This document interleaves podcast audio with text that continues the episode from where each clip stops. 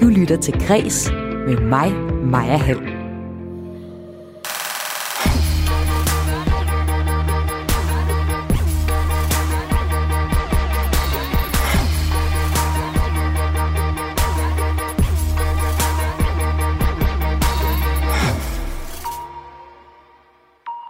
Rapperen Jokeren har udstillet 100 billeder af sin pik, fordi han er flad. DR vil gøre op med det faktum, at der bliver spillet mere musik af mænd end af kvinder. Den unge sorte digter Amanda Gorman vandt kulturverdens hjerter ved indsættelsen af USA's nye præsident, men den danske oversættelse får hårde anmeldelser.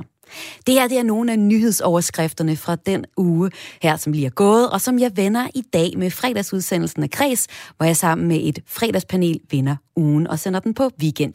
Og panelet i dag, det er forfatter Naja Lynge, musiker Kaiser og forfatter Thomas Rydal, og alle tre er aktuelle med musik og bøger.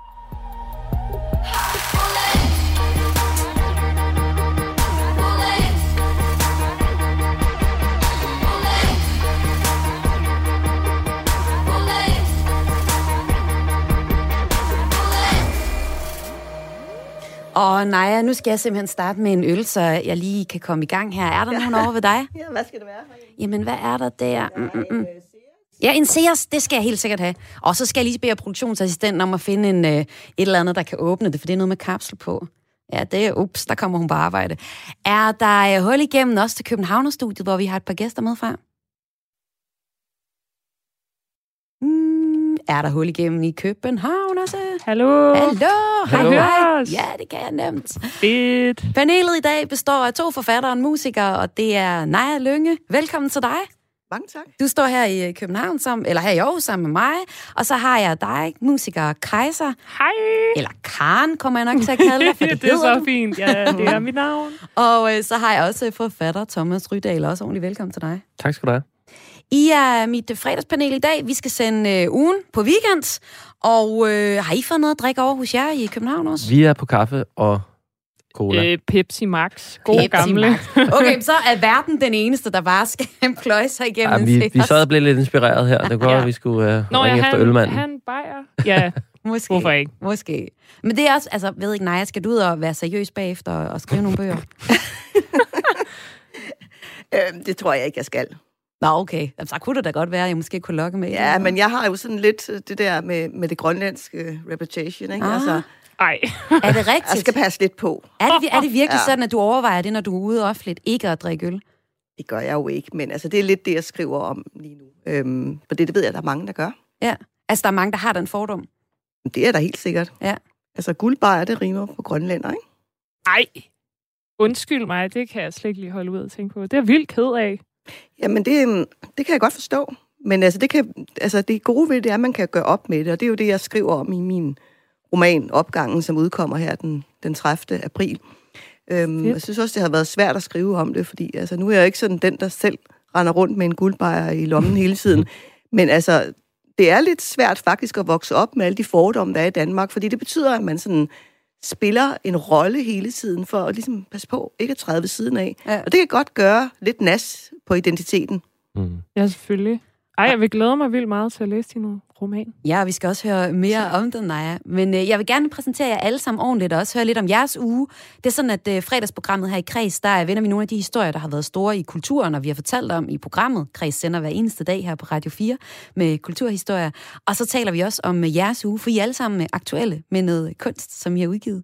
Og øh, jeg kunne godt tænke mig at spille noget musik rigtig snart, og derfor så vil jeg gerne øh, snakke med, med dig allerførst, øh, Karen Stens Lundqvist. Du øh, synger under navnet, eller dit kunstnavn, det er Kaiser.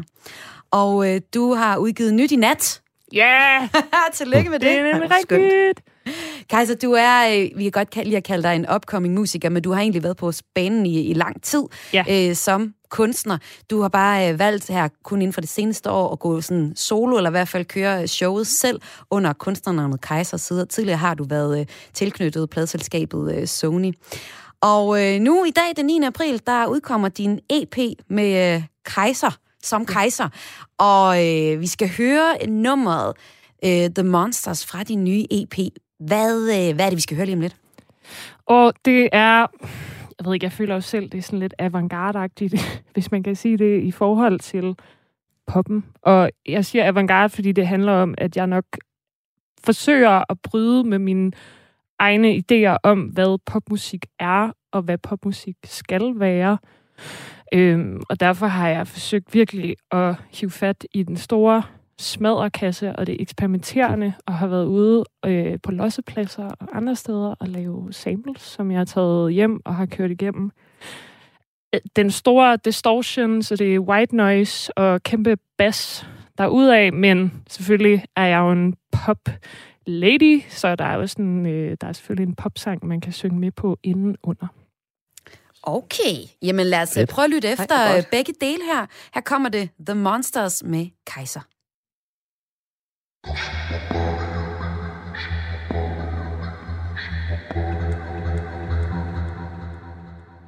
This broken thought, I cut the cord. Breathing demon, keep him calling.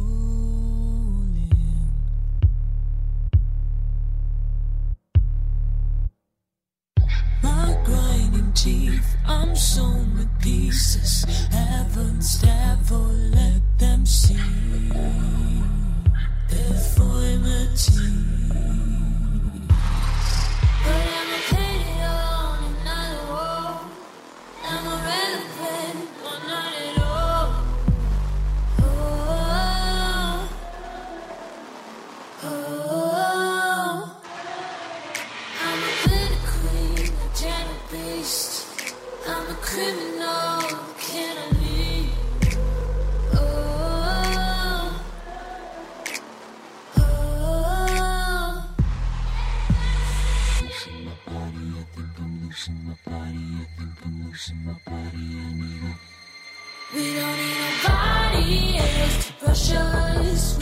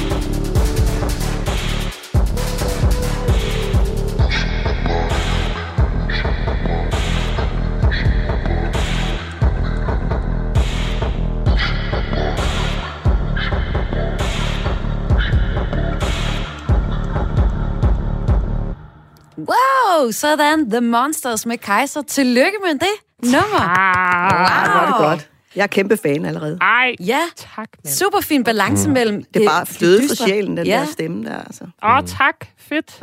Både, øh, både sådan, øh, ja, Monsters kunne man godt mærke i det, det dybe, og også sådan, det fine i det mellemspil, du havde til sidst. Eller hvad det hedder, slutspil. Jeg Ja. ved hvad det hedder. Det er jo mærkeligt og våget lige at køre sådan et helt minuts klaver, hvor man er sådan, hvad?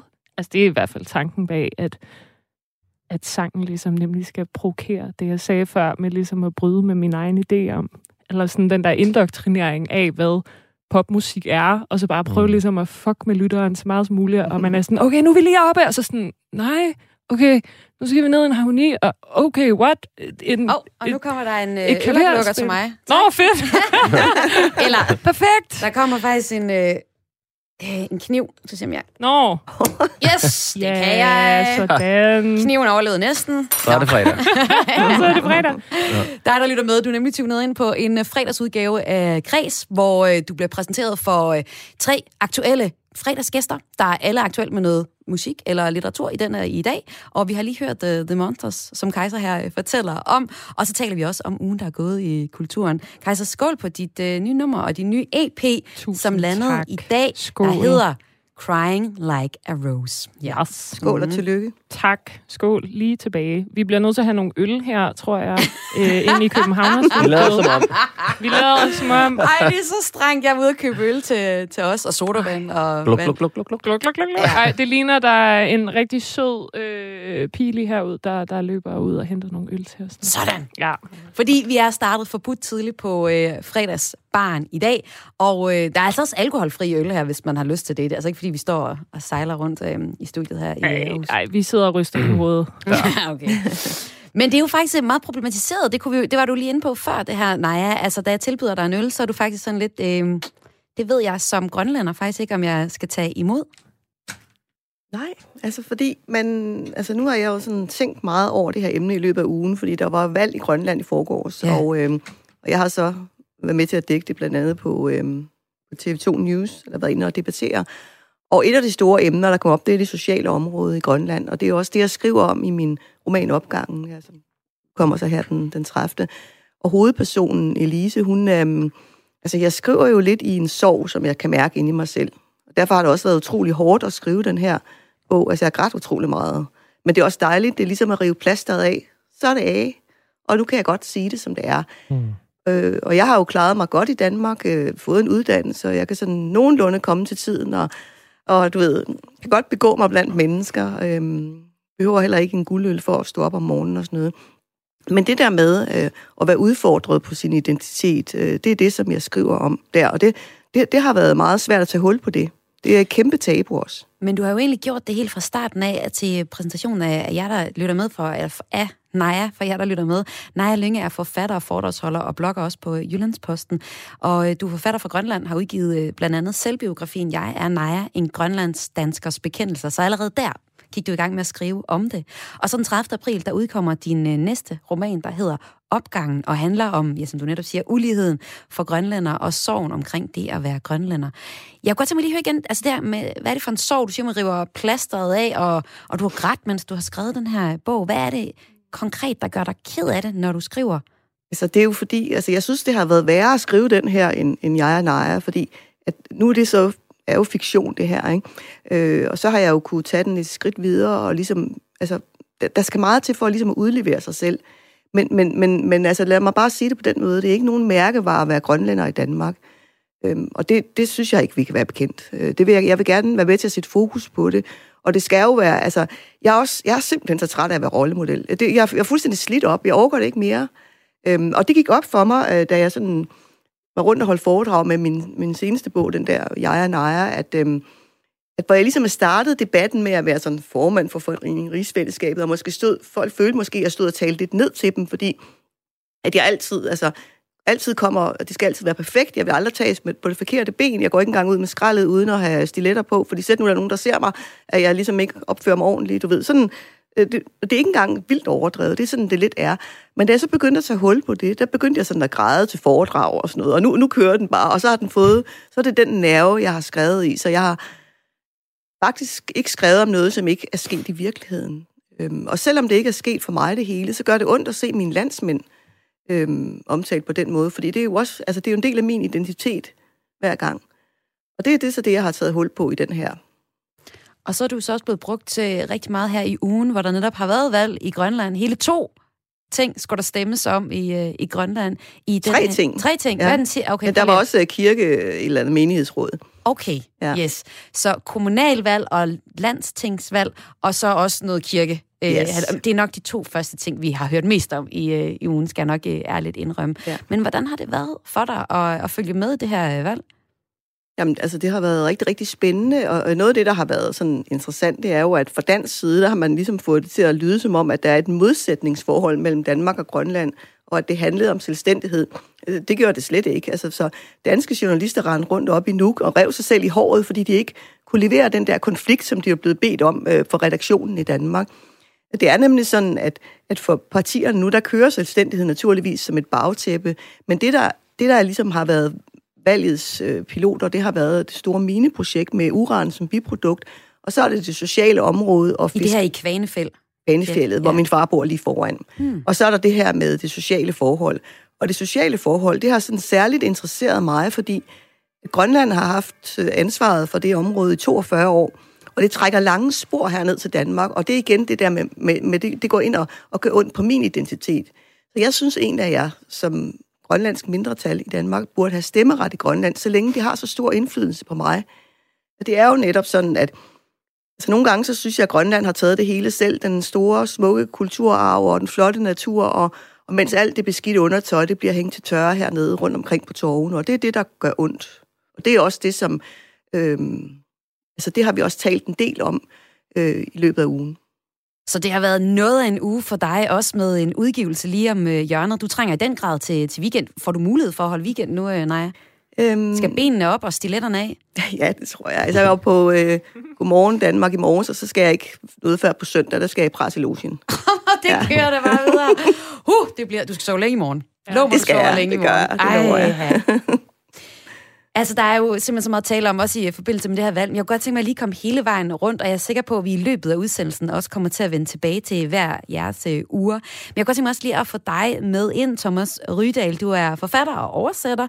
Du er uddannet fra Forfatterskolen og debuteret i 14 med romanen Romanen i midten.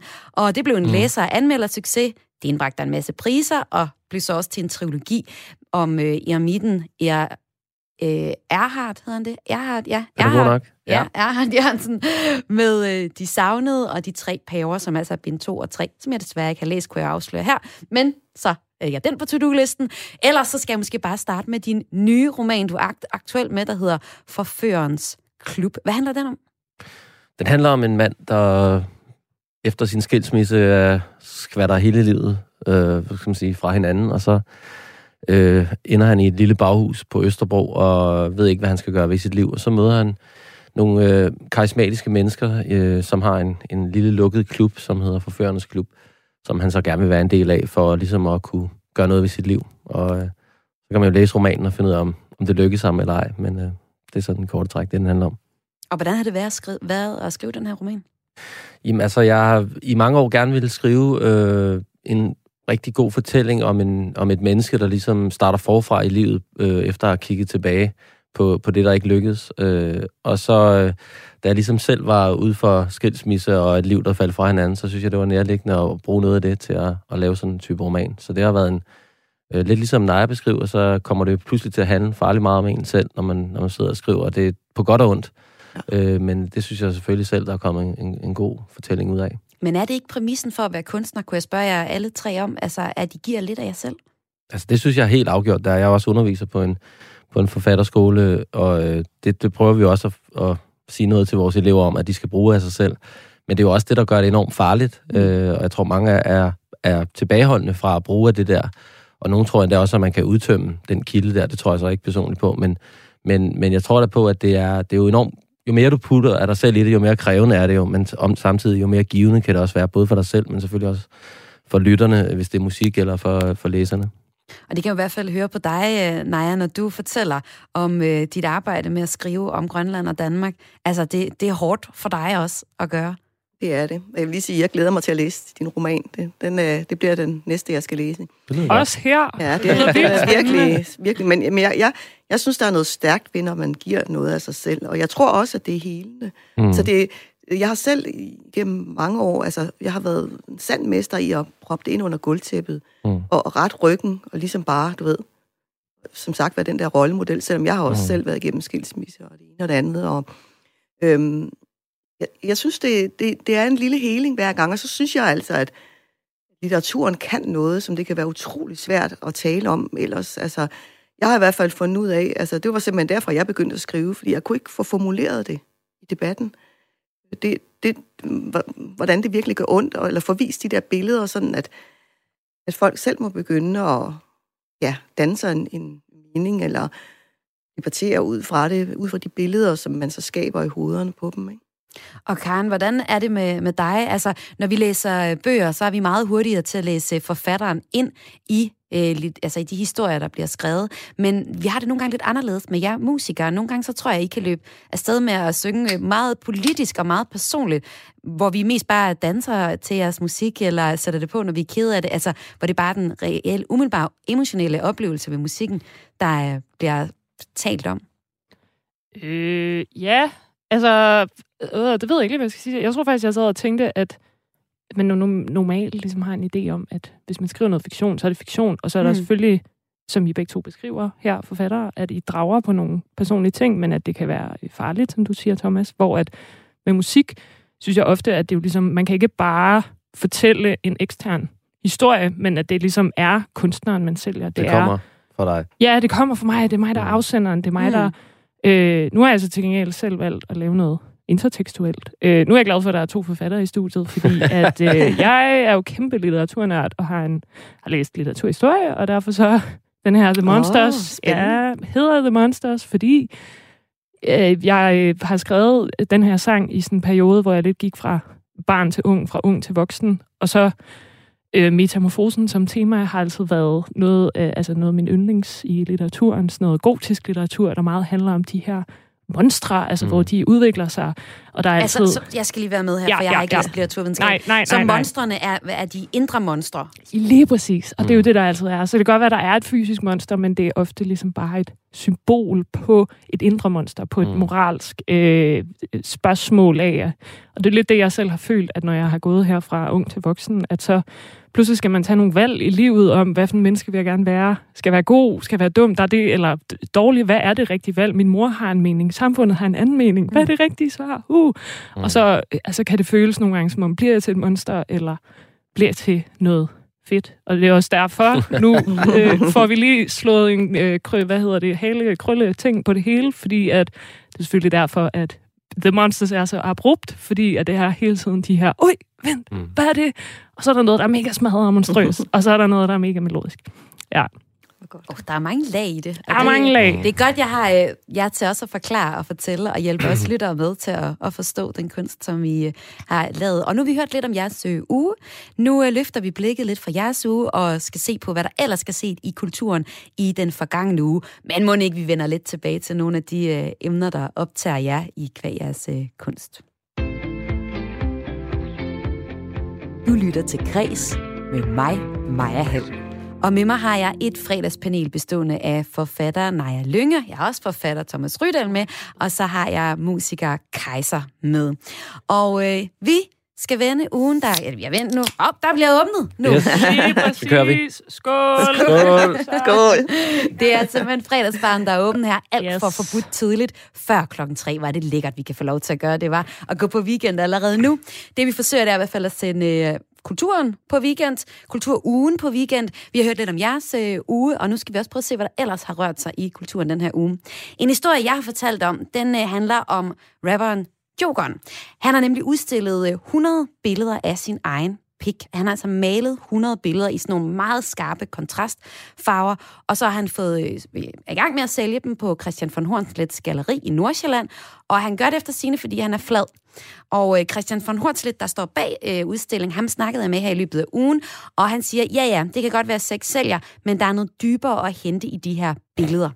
Hvad der helt præcis var at hente i billederne, det tror jeg ikke helt, jeg fandt ud af med interviewet med Christian von Hornslet i tirsdags.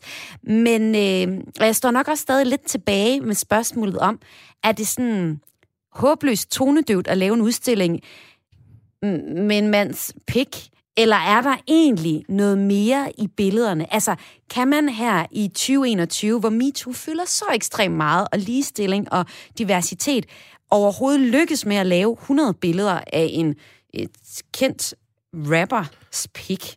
Jeg kunne godt tænke mig at høre jer i panelet, om det, om det er bare mig, der synes, det lyder så tonedøvt. Altså, nej, jeg synes ikke, det er tonedøvt. Jeg synes, det er relevant, det du siger, men jeg synes også, det, altså egentlig synes jeg, det, det er lidt sjovt, at vi, vi overhovedet gider at snakke om, altså, at jokeren skal have nogle penge, så maler han sin pik i mangel af øh, mere kreativ indfald. Og det er, sådan, det er sjovt, at det kan, egentlig kan forarve nogen, eller overhovedet skabe overskrifter, fordi det virker ret kedeligt. Fuldstændig. Altså, men, men, øh, men altså, øh, jeg ønsker da for ham, at han får solgt et par stykker, så han kan, kan klare sig, og måske endda begynde at lave noget musik i stedet for. Det tror jeg, han er bedre til, end at male billeder af sin egen pik. Men Har du set billederne? jeg så, ja, altså, som, så meget, som man nu kan se. Øh, Ja. Og altså, ja, jeg behøvede kun at se et, så tænkte jeg, jeg behøver ikke se de andre. For, altså, det var også bare, det var jo ikke engang fedt. Altså, Altså, Hornslet, han Altså, mener, der- at, øh, at jokeren er, er en stor kunstner. ja, men han er jo også god. Hornslet er jo ligegyldigt, hvad han laver, god til at, at turnere ting, så det på en Han eller er anden jo måde også bare professionel provokatør, lige meget det ikke? Altså, og det gør han Men jo er, godt. provokerer han overhovedet nogen ved at lave de her billeder? han provokerer vel på den plan, at det er så dumt, at man, der ligger ligesom den der subtile ting i, åh, det skal provokere, fordi det er en pik her lige i hovedet, øh, hashtag MeToo. Men ja. samtidig så er alle også bevidste, som du siger, Thomas, om, altså det er jo bare, det er jo åndssvagt. Altså, Ja. så på den måde bliver det måske også provokerende af, at det på forhånd er en punkteret ballon, hvis det giver mening. At man sådan smågriner lidt af det, og så bliver det provokerende på den måde. Sådan har jeg det i hvert fald. Altså, jeg savner måske også lidt, altså igen, måske noget nyt i det på en eller anden måde. Altså, jeg synes bare, jeg synes, Hvis det nu havde Altså, altså, det- været 100 kusser, som Jada havde malet, havde det så været noget helt andet? Ja, fuldstændig. Men det er Hvordan også fordi... det det, Kaiser? Og Jada, det er hende her store danske kunstner, som blandt andet skal åbne Orange Scene på Roskilde Festival. Jeg vil altså sige, at jeg er lidt uenig med jer. Øhm, altså ikke fordi, jeg, jeg har ikke Ja. taget nærstuderet det der, det der ord på tre bogstaver, som jeg, fordi jeg er lidt ældre end jer andre, og ikke kan finde ud af at tage ind i munden. Men, øhm, men jeg synes faktisk, at jeg er rigtig glad for, at han rejser. Det han egentlig gør med det, det er, at han rejser jo en meget relevant debat, som jeg faktisk har mærket på egen krop også. Øh, og han startede også, da han gik ud og sagde, øh, husk, øh, det start, han startede med at gå ud og give, øh, hvad hedder det, statsministeren fuckfingeren, fordi han ikke kunne få nogen hjælpepakker. Og øh, han rejser faktisk med det her, synes jeg, en problematik, som rammer rigtig mange. Altså hvis man nu for eksempel, jeg af personlige årsager ikke har kunnet, øh, altså har været nødt til året før corona og skulle holde, holde lav profil, øh, så kan man faktisk ikke, jeg har heller ikke kunnet modtage nogen hjælpepakker. Så det er faktisk, altså den der, mm øhm, altså jeg synes faktisk, men, men jeg, jeg har ikke mod til at stå frem og ligesom sige, altså jeg, jeg er opdraget til, at øh, altså nu, nu har jeg rigeligt i at udstille det med grønlænder lige nu. Jeg har ikke lyst til at udstille mig selv mere, men, men det har været, altså jeg har ligget vågen, fordi jeg ikke har kunne betale mine regninger og sådan noget. Jeg har haft det på samme måde som ham, og måtte tænke alternative ting. Det er så lykkedes til sidst. Men, men, men det synes jeg, at, at faktisk er, er rigtig godt, at han gør det, fordi at det der, når han gør det, så får vi den der snak om, at nogen synes, det er plat, nogen synes, det er ikke eller andet, men han sætter fokus på det område. Og du ser, at det, han sætter fokus på, det er, at at der- har ikke andet. Han har ikke mulighed for Nej, at ud men og det er, det er og- bundrådent, at, mm. at de der hjælpepakker, at der, at der er nogle grupper, som, som ikke kan få dem. Men, og jeg, jeg, jeg ringede ind til, til det der, der er sådan en hotline, en øh, statsministeriet har nedsat, hvor man kan spørge om det, og sagde, jamen, kan det virkelig være rigtigt, at jeg ikke kan få nogen hjælpepakke? Jamen, det kunne jeg ikke, og så henviste det til, at jeg kunne da søge et eller andet legat, hvis jeg havde lyst. Men altså, det han jo forsøger faktisk at sætte fokus på, som jeg læser det, er det her med klima. Ja, det var i hvert fald det, han gerne ville. Mm. Ja, og jeg ved ikke, om I har set den dokumentar, der hed Hornslet er død på Danmarks Radio, der kom her i sommers. Mm. Og der er han jo allerede nede der, og være nede hos yogeren og taler med ham om, at der på det tidspunkt havde han malet 50 pikkemænd. Øh, og skulle ned og snakke med ham om, og yogeren var lidt sådan, ej, er det ikke for plat, og det er sgu da åndssvagt, det her hornslet. Og så siger han, nej, nej, nej, nej, nej, det er fantastisk, du forstår det ikke. Det er jo, øh, og det er øh, det eneste manden står tilbage med, det er hans pik. Åh, og, og så var yogeren sådan, jamen, hvad, jeg vil jo gerne, det eneste, jeg faktisk gider at snakke om, det er klima. Hvordan skal en pik ligesom kunne afspejle klima? Og så siger hun sådan, nå, men det er jo bare det, at du går ud og provokerer, og så er det, altså, er der anledning til, at du kan tale om det, du faktisk mm. gerne vil. Og det er jo rigtigt, men der er også langt fra en pik til klima. Ja, vi talte i hvert fald ikke om klima i uh, tirsdags i kreds. Uh, det må jeg ærligt indrømme. Vi prøvede at samle op på nogle af de reaktioner, der havde Snakkede I om hjælpepakker så? Nej, det, ja, det gør vi stort set hver dag i kreds, det kan jeg sige dig. Det er helt, og det forstår jeg godt, fordi det er et problem, hvis man ikke kan få øh, dagen og vejen til at hænge sammen som kunstner. Nu, øh, inden vi går det videre, vi skal se på lidt andre emner, der også har fyldt i øh, ugen her på Græs og i kulturen. Men vi skal også høre noget musik, og øh, Naja, du har taget et nummer med, jeg aldrig har hørt før. Mm. Inuit Feed, Det Dybe Blå, hedder nummeret. Prøv lige at fortælle lidt om, hvad er det for en kunstner, er med at gøre her? Christian Mikkelsen, han bor faktisk her i Aarhus også, og han øh, synger på den her på både dansk og grønlandsk, og dermed synes jeg ligesom, han rejser noget af det, som, som rigtig mange af, af os halvblods føler. Øh, vi er lidt splittet mellem to kulturer. På den ene side, så er der havets moder og de der gamle fortællinger. På den anden side, så, skal, så er kultur også noget dynamisk, som bevæger sig, og som vi skal være med i. Og jeg synes, han... Ja, jeg er spændt på, hvad I synes, men jeg, jeg synes, han, han kan noget. Og det er altså Inuit Feed, altså hans, hans kunstnernavn. Ja, og det nummer, vi skal høre, det hedder Det Dybe Blå.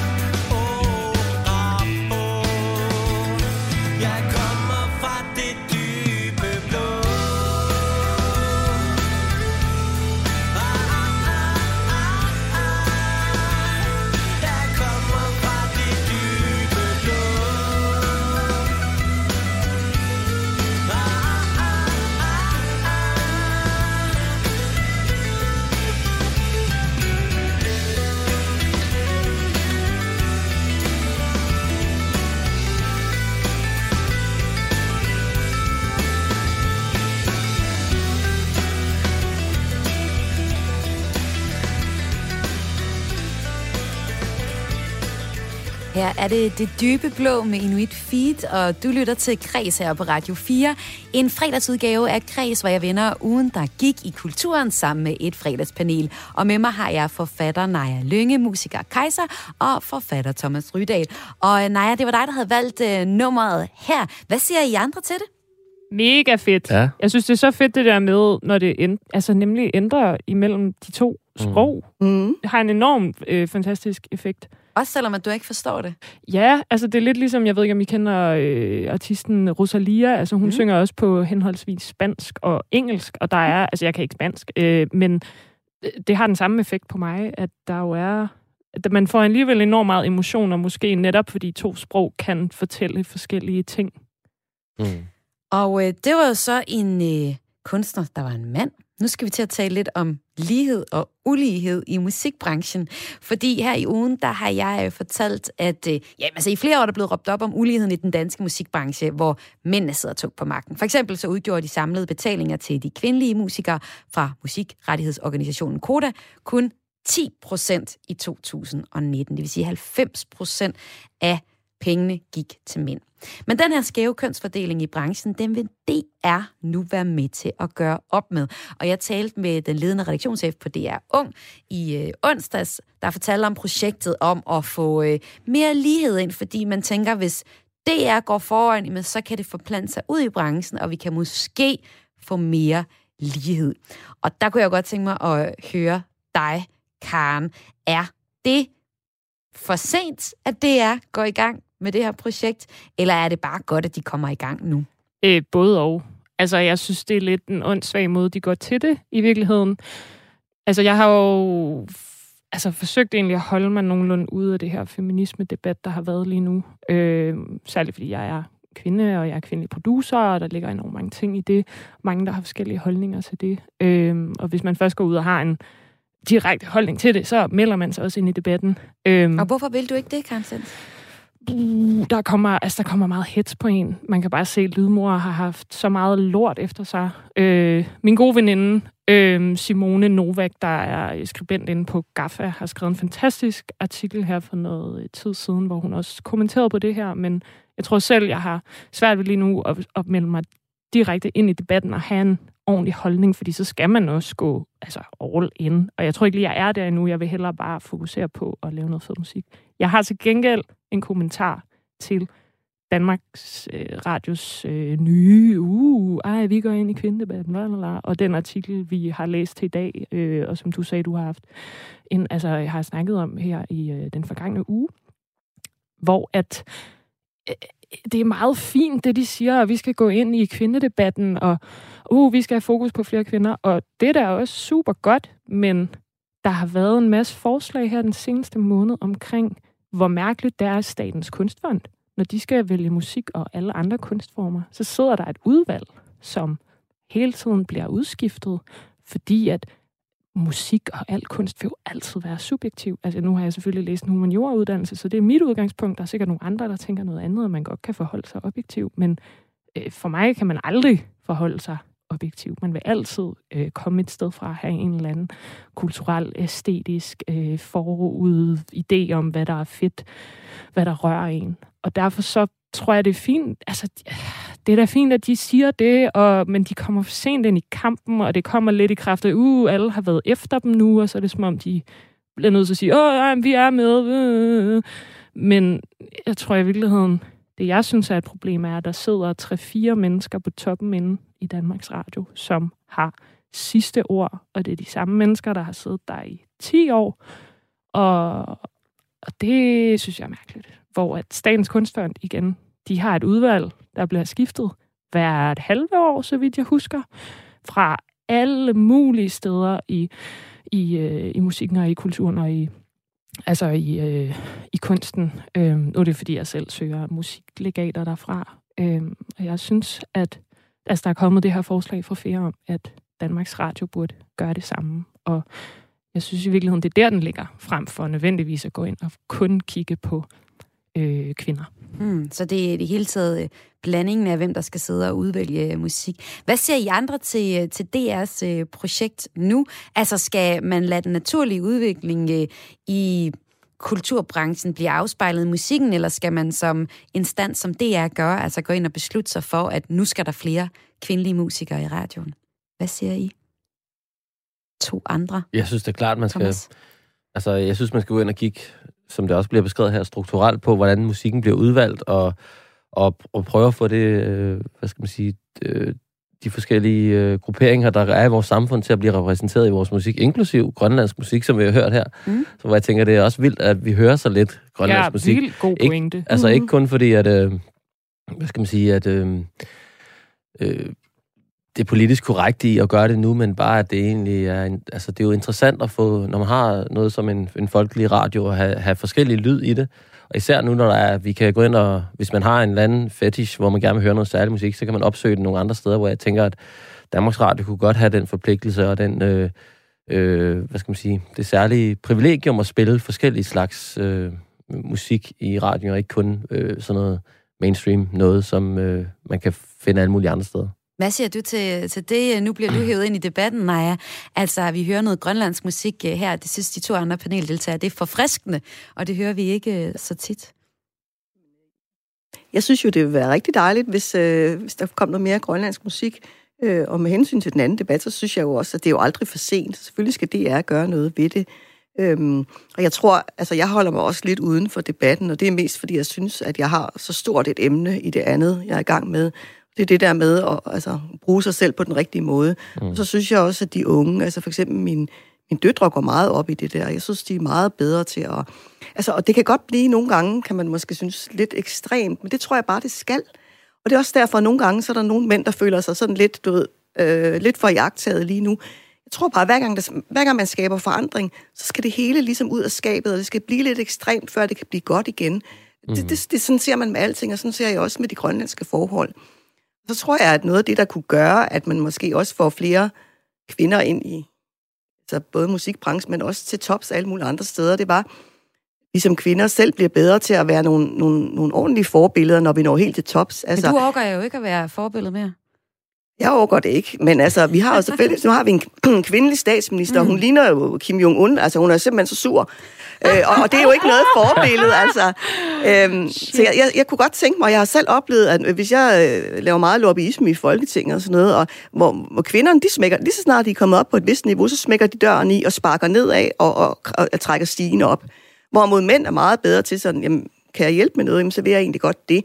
Jeg tror bare, at vi som kvinder... Altså, hvis er det vi... ikke et meget kønsstereotyp kommentar, du kommer med der? Jamen, det er det, jeg har, jeg har oplevet det på nærmeste hold gennem mange år. Mm. Og, så, og jeg tager den også ind selv, og så derfor prøver jeg også, øh, når der er nogle, nogle piger, der ringer til mig og vil have hjælp, altså, så siger jeg altid ja, selvom også hvis jeg ikke rigtig har tid, fordi jeg selv så ofte har fået nej af kvinder. Jeg tror bare, at man, jeg tror, vi kan hjælpe hinanden op.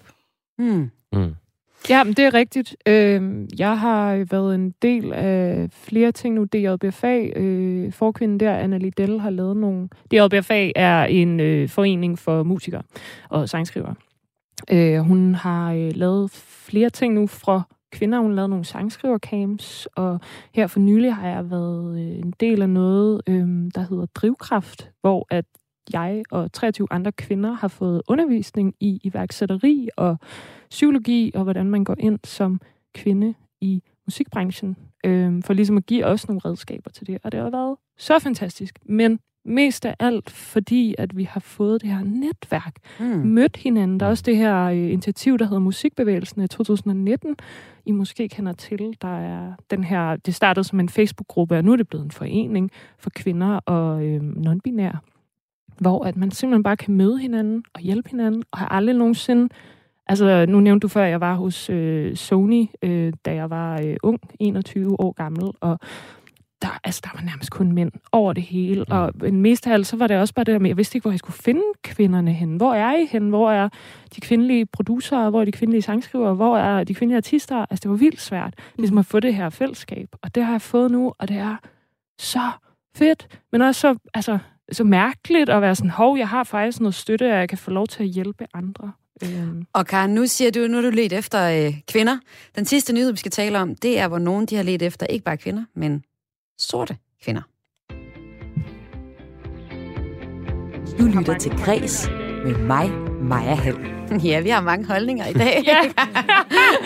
du, du lytter til et fredagspanel af Kreds, og panelet i dag består af forfatter Naja Lynge, vi hørte lige før Kaiser, musiker, og øh, forfatter Thomas Rydal tale. Og vi taler om ugen, der er gået både i jeres liv og også i kulturen i det hele taget. Og den sidste historie, jeg godt kunne tænke mig lige at vende med jer, den handler om den unge sorte digter Amanda Gorman. Hun vandt uh, kulturverdens hjerter ved at se ved indsættelsen af USA's uh, nye præsident Joe Biden her i starten af året.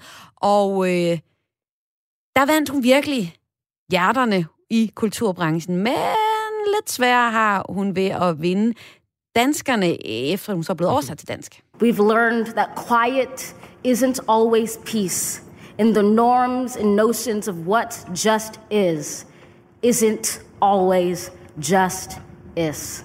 Og det her, det er en lille bid af hendes tale, som hun holdt. Den blev en kæmpe succes, og lynhurtigt, så skulle den oversættes til en milliard forskellige sprog. Men hvem måtte have lov til at oversætte hende? Det kom der en stor debat om. Øh, der var for eksempel i Holland, var der en hvid mand, der skulle oversætte hende. Det kunne ikke, det måtte han simpelthen droppe at gøre, og de måtte i stedet for finde en brun kvinde til at oversætte og det samme. Det er også i Danmark en brun kvinde, der har oversat øh, digtene til dansk, og så har den fået lidt blandede anmeldelser. Og jeg kunne godt tænke mig at høre dig, Thomas Rydal, fordi mm. du er jo også oversætter. Ja. Hvordan, altså, har du fulgt den her øh, debat, der har været om Amanda Gormans oversættelse? Ja, jeg har fulgt den, men, øh, men jeg synes også, øh, jeg bliver også lidt træt af den. Men, Hvorfor? øh, Det er digtet, der bliver ved med at give jo. Ja, det er det. Altså, Først et fantastisk Nå, altså, der- der er faktisk Hvem rigtig- oversætte det? der er Og nu, var en elendig oversættelse, er der så nogen, der mener, ikke? Ja, okay, men jeg, jeg synes faktisk, der er ret mange emner, altså der er rigtig mange emner i det. Dels det der, du siger med, hvem skal oversætte, og deres øh, baggrund og så videre. Og så er der det med, om det er godt oversat, og så er der det med, om det er et godt digt og alt sådan noget. Altså jeg synes faktisk, der er rigtig mange steder, hvor, hvor, hvor det er svært at diskutere det her på en ordentlig måde. Altså jeg tror i udgangspunktet ikke, at det er noget, et, et digt, der... Altså det, det var et lejligheds, en lejligheds, en festsang til, Så vi var til bare Joe Biden. køre lige for en stund, og ja, så... og, og, f- og fred være med det, og hun er da vildt sej, og hvis man så det, blev man rørt og alt det der. Jeg tror bare, der, der, gik, der gik lidt for meget øh, jubelhat i den, og, øh, og så skulle vi alle sammen...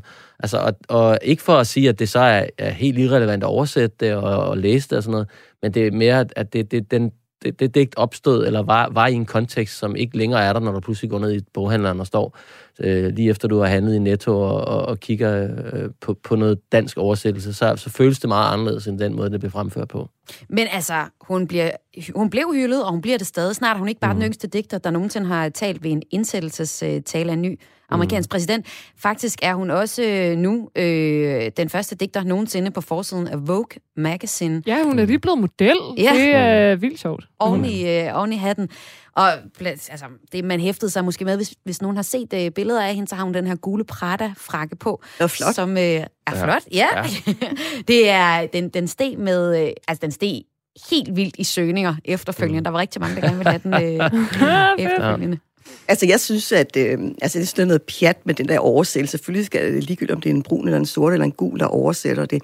Jeg synes, det, der er interessant ved det her, det er, at Biden vælger sådan en som hende, mm. øh, fordi at det har han jo gjort. Han har vidst på forhånd, at hun tager noget fokus væk fra ham. Altså, den var aldrig gået med den hvidgustende mand, hans forgænger, altså. Mm. Donald Og det Trump. synes jeg siger meget om, at det er nye tider. Ja. Ja. Øh, og det kan godt være, at han som udgangspunkt ikke er lige så karismatisk og måske lidt kedelig, men boring is good, og han giver rum til andre. Og det, og, og det, med det viser han også en mangfoldighed, fordi hun har jo taget meget opmærksomhed derfra. Det synes jeg er det interessante ved det. Absolut. Og det her, det var øh, det, vi nåede i øh, fredagspanelet i dag. Vi har vendt ugen, der, vendt ugen, der er gået i øh, jeres liv, i panelets liv, og så også i kulturen i det hele taget. Og vi skal slutte af med noget øh, musik, som øh, du skal præsentere for os, Thomas Rydag. Jeg er sikker på, at dig, der lytter med, kender musikken rigtig godt. Vi skal høre lige om lidt. Men først så vil jeg lige sige tusind tak, fordi I var med, og tillykke med jeres øh, nye Tak.